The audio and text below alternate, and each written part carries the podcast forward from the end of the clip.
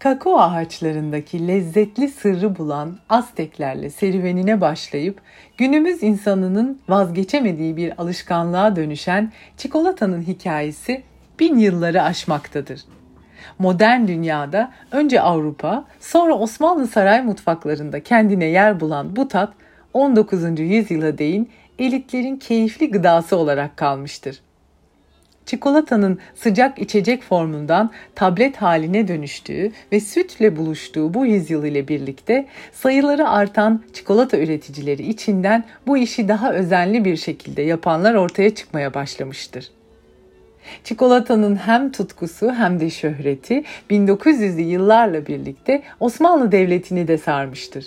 Öyle ki 20. yüzyılın ilk çeyreğinde hem ithal edilen hem de ihraç edilen bir mamül haline gelmiştir. Bu dönemde Türkiye'de çikolatanın büyüsüne kapılanlar arasında Değirmencioğlu Todori de vardır.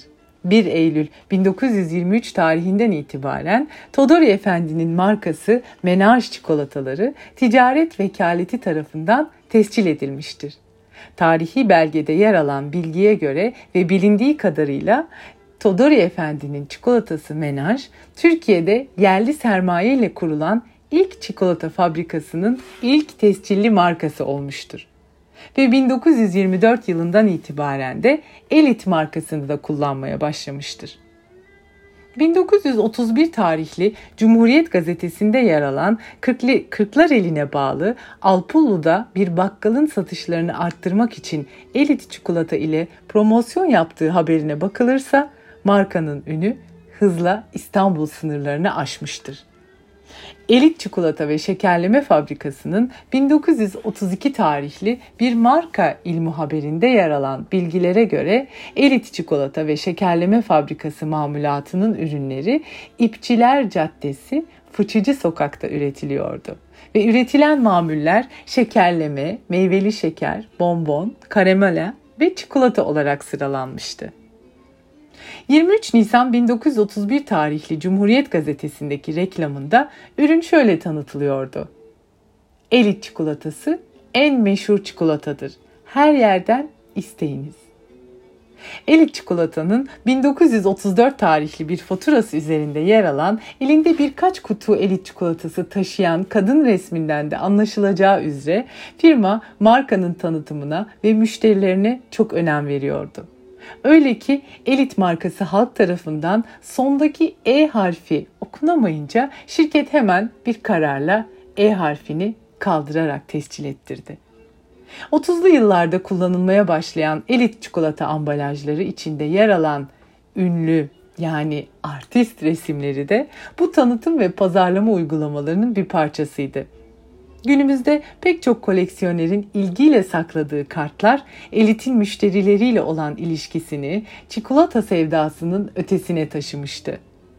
60'lı yıllara değin elit ürünleri içinden bu koleksiyon kartları çıkmaya devam etti. Bu kartlarda dünya güzeli Keriman Halis'le birlikte pek çok ülkenin güzelleri, ünlüleri, Charlie Chaplin gibi farklı sanatçılar görülmekteydi. Üzerlerinde numaralar taşıyan bu kartları biriktirenler sadece hoş bir koleksiyona sahip olmakla kalmıyor, aynı zamanda hediye kazanma şansı da yakalıyorlardı. Artist serisi dışında elit ürünleri satan mağazaların vitrinlerine koyulan yazı ve resimler gibi farklı tanıtım yöntemleri de kullanılmaktaydı. İlerleyen yıllarla birlikte ürünlerin konduğu ambalajların da albenisi artmıştı altıgen, kare, dikdörtgen ve silindir farklı teneke kutular küçük gramajlardan kiloluk ebatlara kadar geniş bir yelpazede halka sunuluyordu. Elit'in üzerinde kakao ikram eden egzotik bir güzel resmi olan ve günümüzde farklı ambalajda da olsa hala pastanelerin vazgeçilmezi olan toz kakaosunun teneke kutusu gibi çeşitli boy ve ebatta teneke kutuları, cam kavanozları, kovalar, poşetleri ürün gamındaki zenginliğinin de göstergesiydi. Kuşaklara damgasını vuran şemsiye çikolatalar, meşhur Beyoğlu çikolatası, Hindistan cevizli ve kakaolu bonbon şekerler gibi şekerleme, çikolata ürünlerinin yanı sıra elitin bir zamanlar portföyünde olan, şimdilerde üretilmeyen sakızları, boğaz pastilleri, reçelleri de meşhurdu. Birçok prestijli mağaza bu ürünleri hediye olarak kendi müşterilerine de sunuyordu. Henüz 1930'lu yıllarda elitin ticari ilişkisi bulunan şehirler arasında Bayburt gibi örnekler olduğu düşünülürse elit markasının gücü ve yaygınlığı daha da iyi anlaşılabilir. Değirmencioğlu soyadını alan ailede Todori Efendi'nin ardından bayrağı eşi Teonosya Hanım devraldı. Teonosya Hanım'ın kardeşi Yorgo Eleftheropoulos da bu dönemde en büyük destekçisi oldu. 1950'lerde elitin çoğunluğu Rum ve Ermeni kadınlardan oluşan işçilerine verdiği zam haberinin Milliyet gazetesinde yer alması da firmanın büyüklüğü ve bilinirliği hakkında fikir vermekteydi. Bu yıllar elit fabrikalarında çikolata kaplı drajelerin ve endüstriyel ürünlerin ön plana çıktığı bir döneme denk geliyordu.